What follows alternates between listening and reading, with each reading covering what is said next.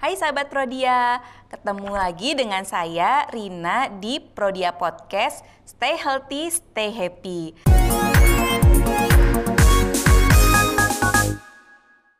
Nah, sahabat Prodia, eh, saat ini kita telah mendengar ya booming uh, pandemi COVID-19 di mana-mana. Nah, sahabat Prodia sendiri apa nih yang sahabat Prodia rasakan? Hari ini kita akan membahas untuk uh, mengenali resiko penyakit sahabat Prodia berdasarkan karakteristik atau keunikan kita masing-masing. Seperti uh, untuk memprediksi resiko penyakit tertentu gitu. Nah, hal ini sangat penting terutama di era COVID-19 e, di mana daya tahan tubuh atau sistem imunitas kita harus tetap terjaga. Maka dengan mengenali apa saja yang dapat memicunya terjadinya penyakit, kita dapat mencegah uh, terjadinya COVID-19 ini. Nah, bincang-bincang kali ini kita akan ditemani oleh dokter yang sangat handal di bidang genomik, yaitu uh, Dr. Widya Eka Nugraha, Master of Science Medicine. Beliau juga merupakan konsultan genomik di Prodia. Apa kabar dok hari ini dok, dokter Widya? Alhamdulillah baik. Mbak Dina apa kabar? Uh, saya juga baik dok gitu. Nah dok kita uh, pengen tahu nih ya dok ya, terutama sekarang di di era pandemi COVID-19 ini, kita lihat nih dok banyak banget uh, masyarakat yang sehat-sehat uh, aja tanpa gejala, tapi ternyata kena gitu ya dok ya COVID-19. Kemudian ada juga yang sangat rentan tiba-tiba kena langsung meninggal walaupun jumlahnya sedikit nih ya dok ya. Nah kira-kira dok eh, apa sih dok yang menyebabkan perbedaan dari kedua kasus di atas dok? Ya, jadi sebenarnya kalau saya bilang tuh ada tiga sebenarnya nggak hanya dua. Yang pertama adalah orang sehat, dia kena COVID-19, terus dia sembuh. Nah ini mayoritas memang seperti itu. Yang kedua adalah orang sehat, dia tidak punya penyakit penyerta, dia kena COVID-19 tapi perburukan bahkan sampai meninggal.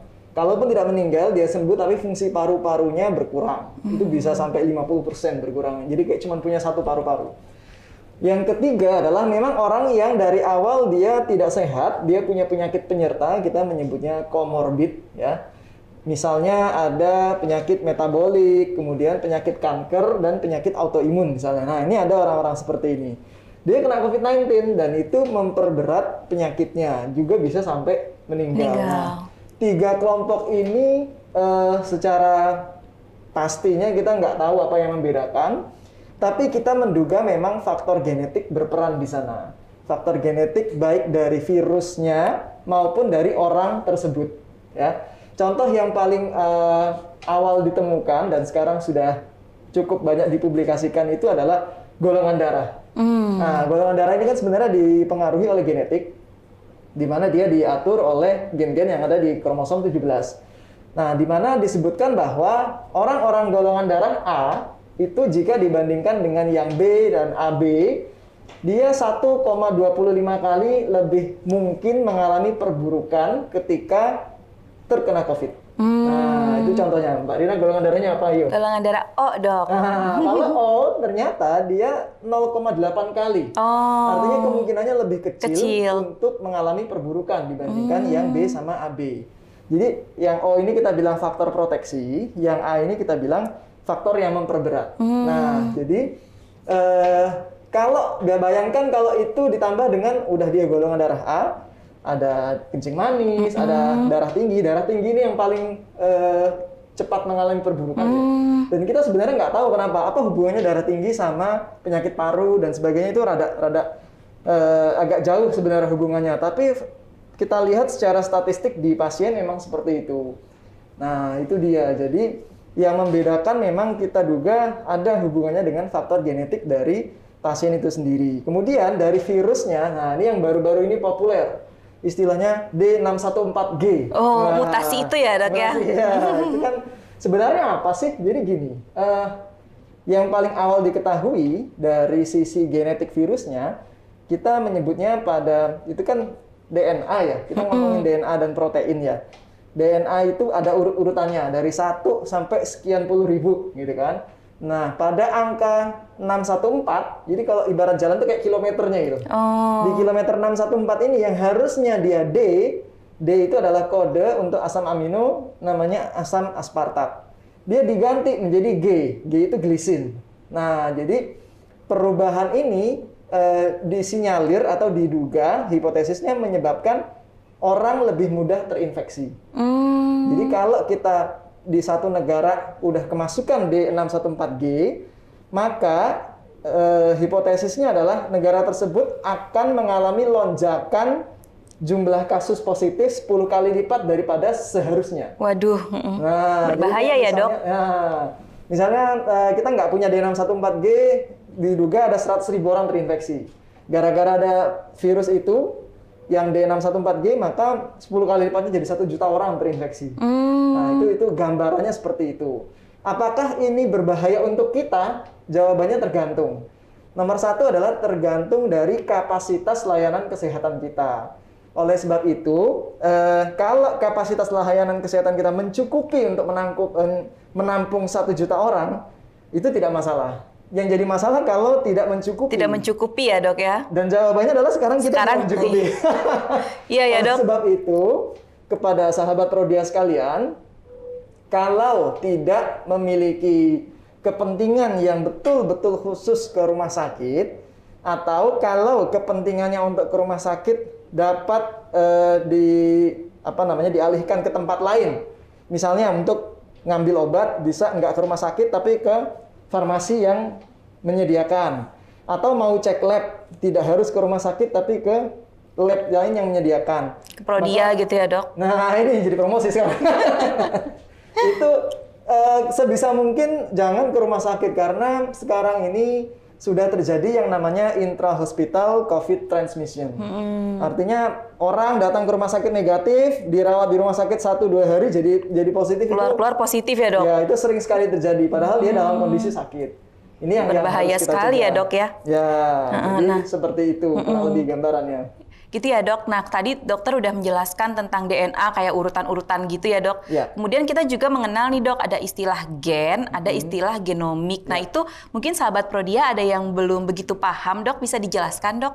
Oke, jadi gini, tubuh manusia itu eh, kalau ibarat ke- kata sebuah Lego, eh, itu kan ada penyusun-penyusunnya. Nah, penyusun-penyusunan ini disebut kita tuh bahan dasar utamanya adalah protein.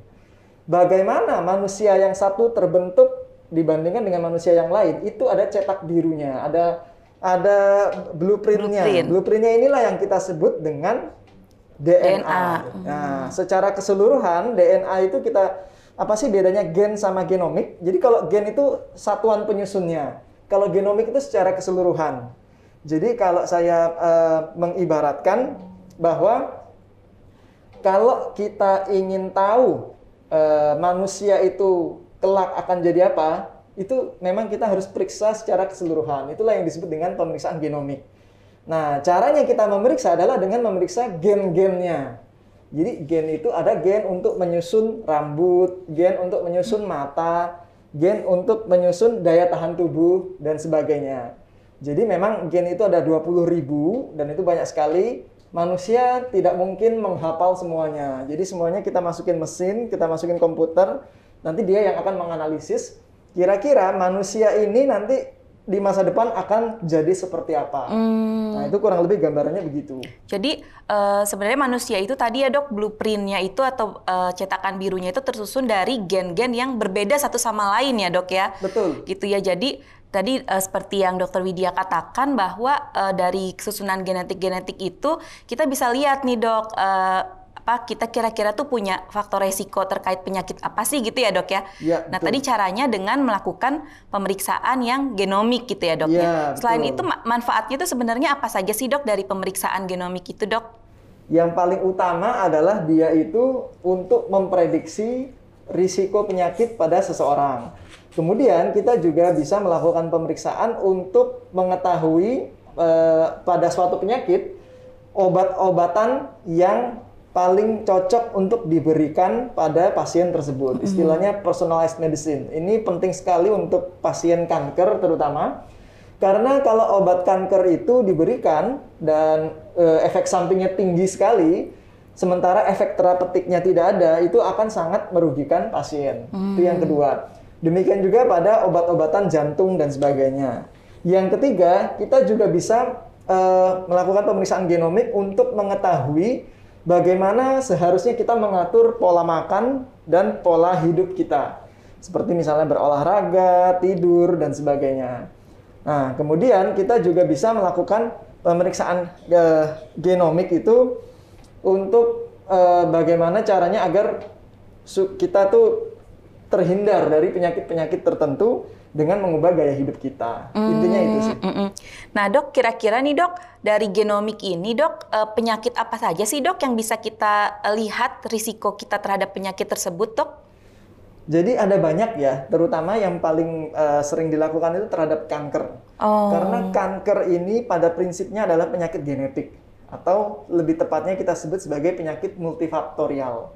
Nah, itu satu. Jadi kanker. Yang kedua, beberapa penyakit metabolik. Contohnya adalah jantung, stroke, pembuluh darah, sampai DM atau kencing hmm. manis.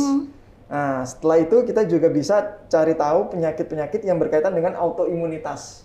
Nah, terutama eh, sebenarnya yang yang paling banyak itu adalah celiac disease nih. Hmm. Celiac disease, kemudian lupus, kemudian ada juga eh, psoriasis sama eh, penyakit spondilo ankylosing spondylitis. Nah, itu juga berkaitan erat dengan genetik.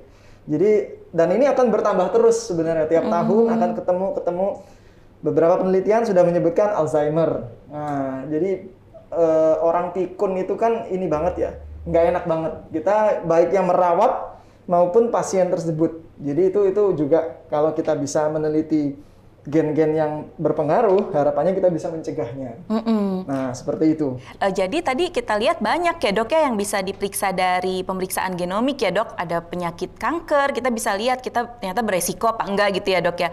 Kemudian penyakit metabolik yang diabetes, jantung, hipertensi gitu ya dok. Kemudian juga uh, imunitas ya dok ya. Dan juga nanti mungkin ada yang lainnya lagi tadi yang banyak sebenarnya semua penyakit hampir semua penyakit bisa kita periksain dari genomik ya dok ya. Yeah. Nah terus dok uh, muncul nih dok pertanyaan kalau sebenarnya yang tadi gen-gen itu yang di dalam tubuh kita itu berubah nggak sih dok sebenarnya dok? Jawabannya tidak karena dia blueprint. Hmm. Nah blueprint itu artinya ya memang dari kita lahir sampai kita akhir hayat akan seperti itu. Hmm. Berubah itu uh, ceritanya beda lagi, yaitu pada kasus-kasus mutasi kanker.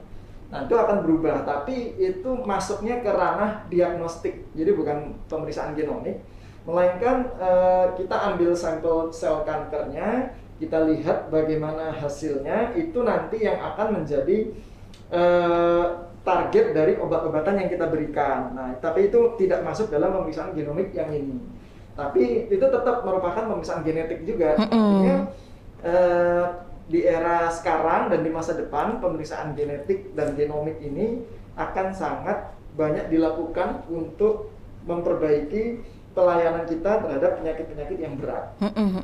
Oh jadi kalau misalnya pemeriksaan genomik ini memang untuk memprediksi ya dok ya melihat risiko kita terhadap suatu penyakit gitu ya dok dan itu memang uh, gen-gen susunan gennya tidak akan berubah yeah. sehingga dok apakah uh, diperiksanya ini apakah hanya cukup sekali seumur hidup atau bagaimana dok?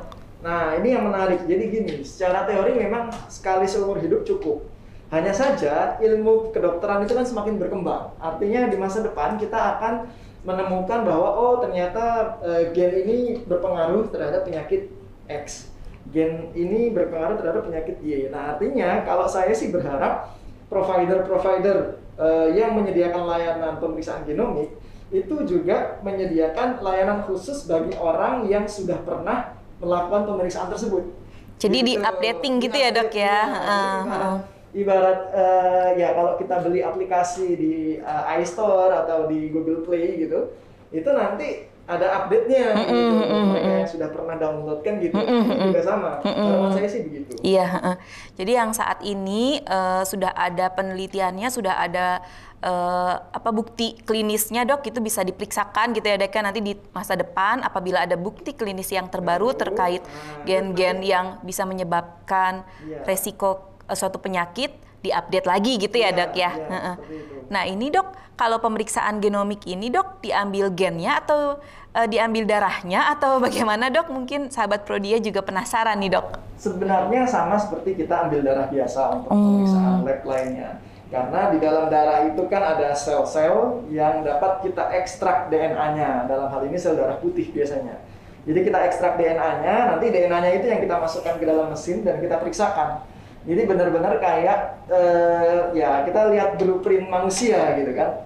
Nah, nanti dari situ kita akan bisa menilai untuk penyakit A risikonya sekian, untuk penyakit B risikonya sekian. Gitu. Jadi Nah, sejauh ini memang kategori yang paling banyak dipakai adalah low risk, kemudian average risk, potential risk, dan high risk. Jadi biasanya itu disebut low risk itu kalau dia eh, jadi angkanya dari minus sampai plus ya. Umumnya minus 3 sampai plus 3. Jadi kalau dari minus 1 sampai minus 3 itu dia masuk kategori low risk. Low risk. Oh itu hasilnya ya dok ya? Ya, itu hasilnya hasilnya. nanti akan ada low risk, average risk, potential risk, dan high risk. risk, ya. Oh iya dok. Kalau low risk gimana dok tadi dok? Kalau low risk itu artinya minus 1 sampai minus 3. Artinya adalah eh, dibandingkan dengan populasi umum, Mm-mm. maka orang-orang yang punya gen seperti ini, dia risikonya lebih rendah untuk terkena penyakit Hmm. tersebut. Contoh kita ambil misalnya adalah kanker paru. Mm-mm. Nah, ini kanker paru ini paling mudah dijadikan contoh karena faktor risikonya jelas dan banyak di Indonesia yaitu merokok. Merokok ya dok? Nah, jadi, misal ada orang eh, dia risikonya low risk minus 1 sampai minus 3. Maka gambarannya adalah kita sering bertanya-tanya kenapa kok ada orang yang udah merokok dari usia 20 tahun sampai 60 tahun dia nggak kena kanker paru. Nah, salah satu penjelasan yang mungkin adalah oh jangan-jangan memang karakteristik gen- Gennya, oh. Oh, iya, itu. heeh. Tapi ya, tetapinya apakah kalau begitu berarti dia tidak akan terkena kanker paru? Jawabannya bukan seperti itu. Jawabannya adalah semua orang tetap bisa terkena kanker. Kanker. Ya, karena kanker itu adalah eh, istilahnya itu konsekuensi logis, ya. Konsekuensi logis dari kita terlalu lama hidup di dunia. Oh. Nah, karena semua orang yang hidup di dunia eh, itu akan terpapar dengan segala macam mulai dari sinar matahari, Hmm. kemudian radioaktif dari eh, seluruh apa ya po- Polusi gitu ya polusi dok? yang ada di dunia itu akan mengubah gen-gen kita sehingga dia tidak menjadi stabil. Nah, kanker itu adalah ketidakstabilan gen. Hmm. Begitu gen tidak stabil, dia akan berubah. Dia akan mempertahankan diri. Dengan cara apa? Dengan cara menjadi sel-sel ganas. Nah, inilah yang kita sebut dengan kanker. Kanker. Jadi eh, orang semakin lama hidup dia semakin mungkin terkena kanker karena gennya tidak stabil. Oleh sebab itu, nah yang low risk pun tetap bisa, cuman dia butuh paparan yang lebih banyak dan waktu yang lebih lama. Hmm. Nah, jadi eh, biasanya orang-orang yang low risk ini sebelum muncul kanker dia sudah meninggal duluan akibat hal-hal yang lain, entah kecelakaan, Oh, iya. stroke dan sebagainya. Itu kalau low risk. Kalau average risk itu angkanya sekitar minus 1 sampai plus 1. Artinya di range ini ya memang sebagian besar populasi dunia ada pada kelompok ini. Jadi kayak, kayak dibentuk kurva, dia itu yang di puncak. Nah, dia di sebelah sini. Nah, nanti eh, artinya adalah orang-orang ini ya orang-orang biasa kalau dia merokok, kalau dia gaya hidupnya tidak baik, dia akan terkena penyakit. Itu wajar. Ada orang-orang yang potensial risk. Nah, orang-orang yang potensial risk itu angkanya hasilnya di sekitar plus 1 sampai plus 3. Orang-orang potensial risk ini gampangannya gini. Dia perempuan. Dia tidak merokok. Tapi suaminya merokok. Yang kena kanker paru dia. Nah, Oh. karena dia terpapar eh, sebagai perokok pasif. Pasif. Nah, Hmm. ini, ini ada ada ada banyak juga sebenarnya orang seperti ini tapi tidak tergali. Nah, kalau orang-orang yang high risk itu eh, gampangannya adalah dia nggak merokok, dia tidak terpapar eh, asap rokok dan sebagainya. Namun tiba-tiba saja si kanker paru itu muncul pada usia muda. Nah, ini Hmm. orang-orang yang high risk. Jadi eh, bagaimana kita menghadapi atau eh, menyikapi hasil dari pemeriksaan semacam ini? Yang nomor satu adalah kita tetap harus selalu berpikir positif. Ya, ini yang agak sulit karena kadang-kadang eh, ada orang yang dia itu terlalu pesimis, gitu kan? Artinya begitu sudah keluar hasil, dia langsung kepikiran macam-macam dan sebagainya. Nah itu tidak perlu. Ada juga orang yang eh, terlalu apa istilahnya ya uh, mengunderestimate pemeriksaan semacam ini. Artinya kalau misalnya udah keluar hasil dia bilang jadi kalau gitu percuma dong saya melakukan pemeriksaan ini. Kan saya tinggal melakukan gaya hidup sehat gitu. Nah jadi ya nggak apa-apa kalau orang berpikir seperti itu. Cuman perlu diingat adalah pemeriksaan genomik itu tidak memeriksa satu macam penyakit tapi ada banyak sekali yang diperiksa ya mulai dari ya itu tadi penyakit kanker, metabolik, autoimun dan sebagainya.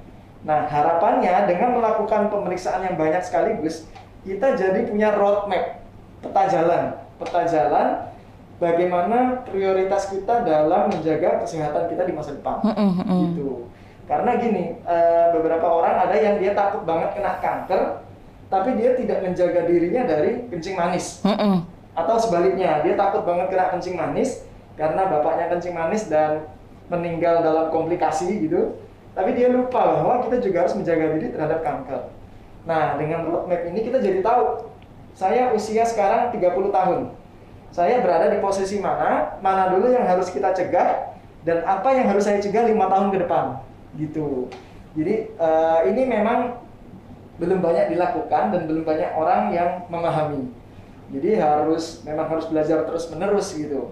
Contoh paling mudah adalah saya. Saya itu usia sekarang 30 tahun, anggap aja begitu ya. Iya, Dok. nah, saya mana dulu nih yang harus saya uh, jadikan prioritas? Apakah saya harus uh, menjaga dari kanker dulu atau dari kencing manis dulu atau dari jantung dulu misalnya. Nah, kalau saya punya hasil oh ternyata saya risiko kankernya average, tapi saya punya risiko yang meningkat terhadap uh, diabetes Nah, sementara untuk jantung, untuk jantung saya average, tapi ibu saya pernah uh, dia sudden cardiac death misalnya, meninggal mendadak karena serangan jantung. Maka yang pertama kali saya lakukan adalah tetap diabetesnya dulu diurusin. Berarti saya harus mulai dari sekarang uh, misalnya mengurangi minum manis atau makan manis, intermittent fasting dan sebagainya. Nah, baru nanti lima tahun ke depan saya harus melakukan cek menyeluruh terhadap risiko jantung. Mulai dari ekokardiografi kemudian EKG dan juga treadmill test dan seterusnya. Hmm. jadi gitu. Karena kalau nggak seperti itu ya sudah pasti kita akan loss aja tuh. Hmm, hmm, hmm. kan nggak nggak semua orang melakukan uh, medical check up tiap tahun. Hmm, hmm, apalagi ketika medical check up kan sebenarnya yang diperiksakan ter terlalu general ya. Dan itu itu sebenarnya baik cuman kalau kita punya data tambahan berupa risiko penyakit genetik kita pasti pengen tahu dong ada apa sih dengan uh, faktor risiko yang tinggi ini udah muncul apa belum? Nah jadi gitu sih gambarannya. Mm -hmm. memang kita harus berpikir komprehensif dan ini butuh bantuan. Jadi nggak nggak rasanya agak sulit membayangkan uh, seorang pasien bisa memahami hal ini secara keseluruhan Gitu Mbak. Jadi yang bisa menjelaskan itu konselor genetik ya dok ya? Ya, mm yang konselor genetik pun juga pasti butuh bantuan mm -mm. dari ahli-ahli terkait penyakit dalam, uh -uh, betul betul, mm -mm. dan seterusnya. Mm -mm setelah itu. Jadi uh, manfaatnya dari pemeriksaan genetik ini banyak ya dok ya. Setelah kita mengetahui nih resiko penyakit yang tadi telah disebab dise, disebutkan oleh dokter, apakah kita low risk, apakah kita average risk, atau kita potensial risk atau high risk. Setelah itu kita bisa uh, konsul lagi ya dok ya untuk misalnya kita gaya hidupnya seperti apa sih dok. Yeah. Kemudian kita juga bisa konsul lagi untuk terkait pemeriksaan yang kita harus uh, periksakan gitu ya dok ya. Iya. Apakah uh, kita misalnya high risk tadi seperti yang dokter bilang, apakah uh, kita memang uh, pemeriksaan-pemeriksaan laboratoriumnya sudah mengarah ke situ ataupun ataukah memang kita jaga sehingga tidak mengarah ke arah penyakit tersebut gitu ya dok ya? Yeah. Nah dok terus uh, kita mau tahu nih dok siapa sih dok yang periksa bisa memeriksakan pemeriksaan genomik ini dok. Misalnya uh, ada orang nih dok yang udah kena kanker gitu dok. Apakah uh, pemeriksaan genomik ini untuk keluarga misalnya untuk keluarga yang dia yang belum kena kanker ataukah bisa untuk orang yang sehat nih dok? Seperti saya dok uh, periksa dok pemeriksaan genomik gitu dok. Untuk siapa nih dok pemeriksaan genomik ini? Ya, ini ini pertanyaan sangat menarik karena kalau kita tanya 100 tahun lagi nih ya, semua orang akan diperiksakan. Oh. Dari dia lahir ibarat kata dia punya KTP lah gitu kan. Mm -mm. KTP-nya ini KTP genomik dulu nih. Mm -mm. Nah, yang bakal ada. Oh, future-nya gitu ya, Dok ya? Ya, future-nya gitu. Nah, cuman kita belum sampai ke sana, kita masih 100 tahun di belakang. Mm -mm. Jadi eh, untuk saat ini data yang kita butuhkan memang sebenarnya adalah data dari orang yang sehat terlebih dahulu. Nah, itu satu. Yang kedua, kalau udah kena e, penyakit tersebut gimana? Ini yang menarik karena beberapa kali kita menjumpai klien dia sudah periksa duluan, hasilnya belum keluar dia periksa biopsi, gitu kan? Hasilnya belum keluar dia periksa ini, ternyata hasilnya average eh beberapa saat kemudian biopsinya keluar ternyata dia positif ada kanker di payudara misalnya. Nah, ini kalau kasus-kasus seperti itu sebenarnya itu masukan yang baik buat kita semua karena berarti eh, kalau dari faktor genetiknya dia average sementara hasilnya tetap positif kanker, maka kita harus selidiki bagaimana gaya hidupnya. Karena pasti ada paparan terhadap faktor environment atau faktor lingkungan yang menyebabkan dia jadi positif kanker gitu. Nah, kalau uh, apakah kalau udah positif perlu diperiksakan lagi? Kalau dari saya sih jawaban saya lebih baik fokus dulu ke pengobatan, fokus dulu ke pengobatan dan uh, segala macam yang diperlukan. Nah, kalau memang ingin tahu dari faktor genetiknya apakah berperan atau tidak, itu bisa untuk uh, keluarga terdekat, misalnya kakak atau adik atau anak yang e, bisa dilakukan pemeriksaan genomik gitu. Mm -hmm. Jadi ya ini memang kompleks, artinya e, butuh data tambahan banyak, termasuk data namanya pedigree atau pohon keluarga. Dengan e, pohon keluarga ini kita jadi tahu seberapa besar kemungkinan seseorang e, yang berkaitan dengan pasien tersebut mengalami penyakit dengan tambahan data genomik yang ada. Gitu. Jadi untuk orang sehat bisa ya dok ya? ya sangat Jadi sangat memungkin. Targetnya memang orang sehat ya dok ya, ya supaya kita bisa sedini mungkin ya dok ya. mengatur, udah setelah mengetahui resiko penyakit, kita bisa mengatur uh, pola hidup, kemudian uh, memeriksakan pemeriksaan yang sesuai juga, check up gitu ya dok ya. ya. Nah tadi juga dok menarik salah satunya adalah mengatur pola makan gitu ya dok. Ya. Nah apakah pola makan setiap orang itu sama dok, ataukah memang juga dipengaruhi oleh gen dok? Iya, jawabannya dipengaruhi oleh gen. Ini uh, sebenarnya paling mudah kalau kita lihat pada anak-anak sih. Karena kalau pada anak-anak uh, itu pola gen akan sangat dominan. Artinya sebagai contoh adalah anak saya. Anak saya sekarang usia 8 bulan terlihat bahwa dia itu dominan menyukai rasa asin hmm. dibandingkan rasa manis, apalagi rasa pahit gitu ya. Nah nanti kita akan jumpai ketika dibandingkan dengan bayi yang lain, ada bayi yang lebih dominan suka rasa manis uh, dia nggak suka asin dan sebagainya. Itu dipengaruhi oleh gen karena hmm. memang ketika masih bayi uh, peran gen ini akan sangat dominan. Nanti dengan seiring bertambahnya waktu anak dikenalkan berbagai macam itu berbagai macam makanan uh, dia akan belajar bahwa oh ternyata gue nggak apa-apa tuh makan masakan yang manis gitu. Ternyata enak juga yang manis ternyata yang asam juga enak yang pedas juga enak dan seterusnya. Itu nanti faktor lingkungan yang akan berperan.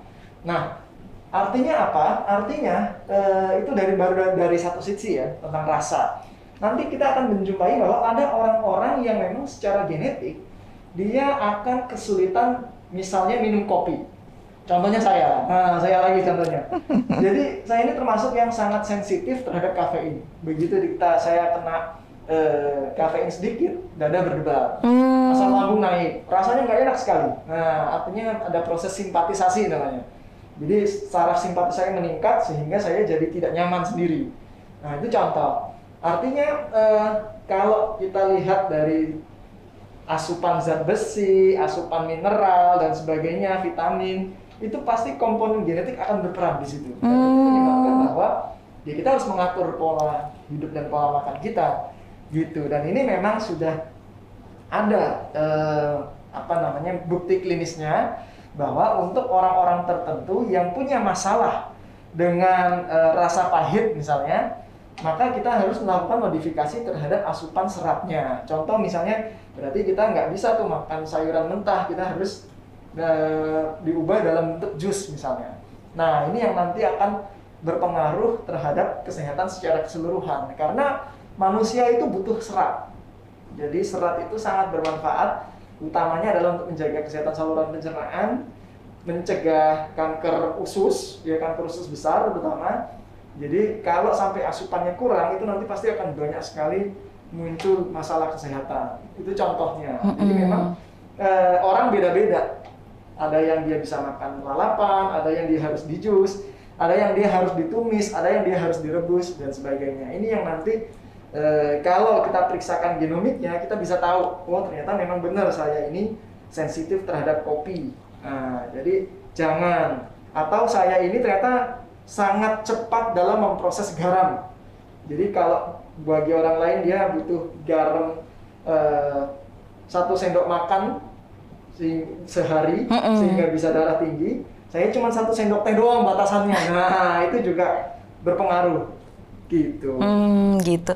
Ya, sahabat Prodia menarik banget ya pemerik, uh, penjelasan dari Dokter Widya uh, tadi dari awal sampai akhir. Nah, kita uh, flashback lagi nih dari awal kita tadi telah dijelaskan oleh Dokter Widya mengenai uh, tubuh kita itu ternyata terdiri dari uh, susunan gen gitu ya, Dok ya. Yeah. Blueprint gitu ya, Dok ya. Jadi susunan gen uh, itu menyusun tubuh kita. Dan ternyata setiap orang itu berbeda-beda ya dok ya. Dan ternyata yang paling menarik adalah dari susunan gen itu kita bisa ngelihat profil uh, resiko penyakit kita gitu ya dok. Dari mulai resiko penyakit kanker kemudian resiko penyakit metabolik seperti diabetes jantung hipertensi gitu. Dan juga resiko penyakit uh, autoimun ya dok ya gitu Kemudian uh, dari uh, penyakit dari profil genomik kita tadi kita bisa lihat resiko penyakit-penyakit tersebut dan juga kita juga bisa melihat ternyata uh, makanan ya dok ya yeah. makanan kita juga pola makan uh, itu uh, bisa kita lihat nih yang sesuai itu sesuai dengan gen gitu. Kemudian tadi kita juga telah dijelaskan nih hasilnya tuh kayak apa sih sahabat Prodia? Ternyata hasilnya itu ada yang low risk, average risk, kemudian juga potensial risk dan high risk gitu. Dan dan tadi juga telah dijelaskan apabila low risk tuh berarti apa sih artinya? Ternyata artinya uh, resikonya rendah dibandingkan populasi pada umumnya gitu ya dok sehingga nanti uh, setelah konsultasi dengan uh, konselor genetik nanti akan kelihatan nih apa sih yang perlu dipertahankan dan apa yang harus uh, di hindari gitu ya dok ya. Yeah. Itu begitupun dengan average risk, potensial risk dan juga uh, high risk gitu.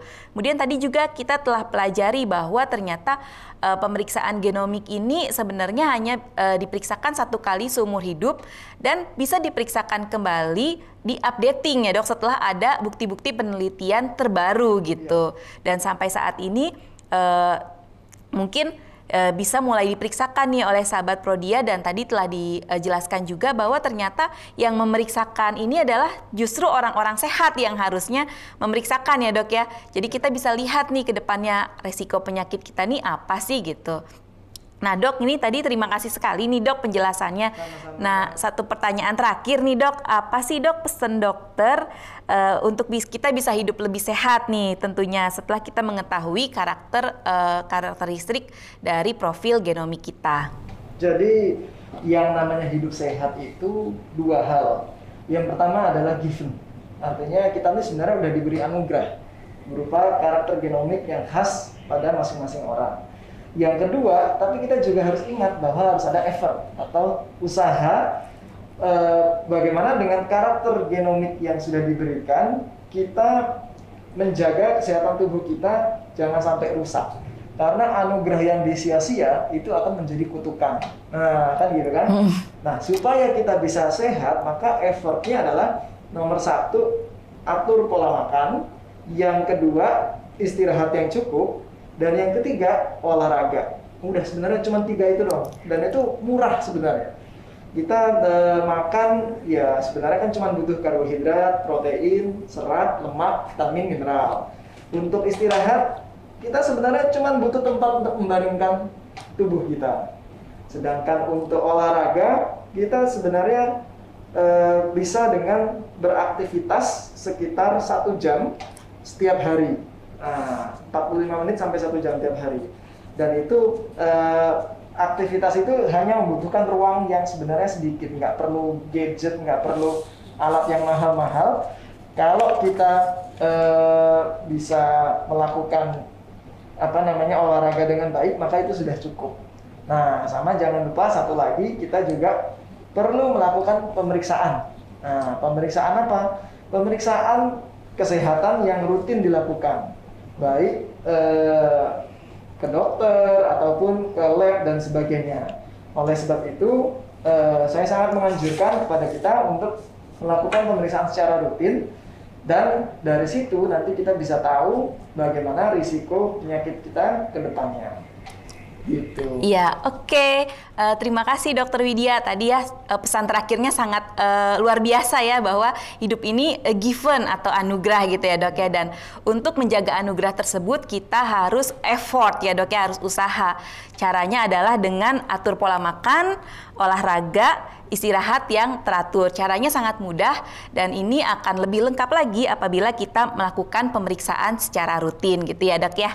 Nah, sahabat Prodia, uh, saya juga mau menginformasikan nih bahwa di Prodia telah ada pemeriksaan genomik seperti yang tadi telah kita uh, diskusi eh, bincang-bincang uh, ini gitu ya. Nah, apa saja sih yang ada uh, di Prodia pemeriksaan genomiknya? Di Prodia sendiri ada pemeriksaan CARIS untuk melihat resiko penyakit kanker. Kemudian untuk melihat risiko penyakit metabolik di Prodia ada penyakit, ada pemeriksaan diaris untuk melihat risiko diabetes. Kemudian vaskularis untuk melihat risiko terkait jantung dan pembuluh darah. Kemudian ada tensris untuk melihat risiko hipertensi. Kemudian tadi untuk melihat autoimun, risiko autoimun di Prodia juga ada uh, pemeriksaan imun risk. Kemudian di Prodia ada pemeriksaan Prodia Bone, Joint, and Muscle Genomic untuk melihat penyakit-penyakit terkait tulang, otot, dan juga sendi. Kemudian ada Prodia Wellness Genomic yaitu untuk melihat uh, keseluruhan penyakit yaitu ada 41 penyakit yang uh, diperiksakan. Dan terakhir juga ada Prodia Nutrigenomic untuk melihat kebutuhan terkait nutrisi dan juga olahraga. Eh, nah, sahabat Prodia, sekian bincang-bincang kita pada kali ini. Terima kasih banyak untuk uh, Dr. Widya atas eh, bincang-bincang uh, pada kali ini dan uh, sampai ketemu lagi di Prodia Podcast selanjutnya. Terima kasih.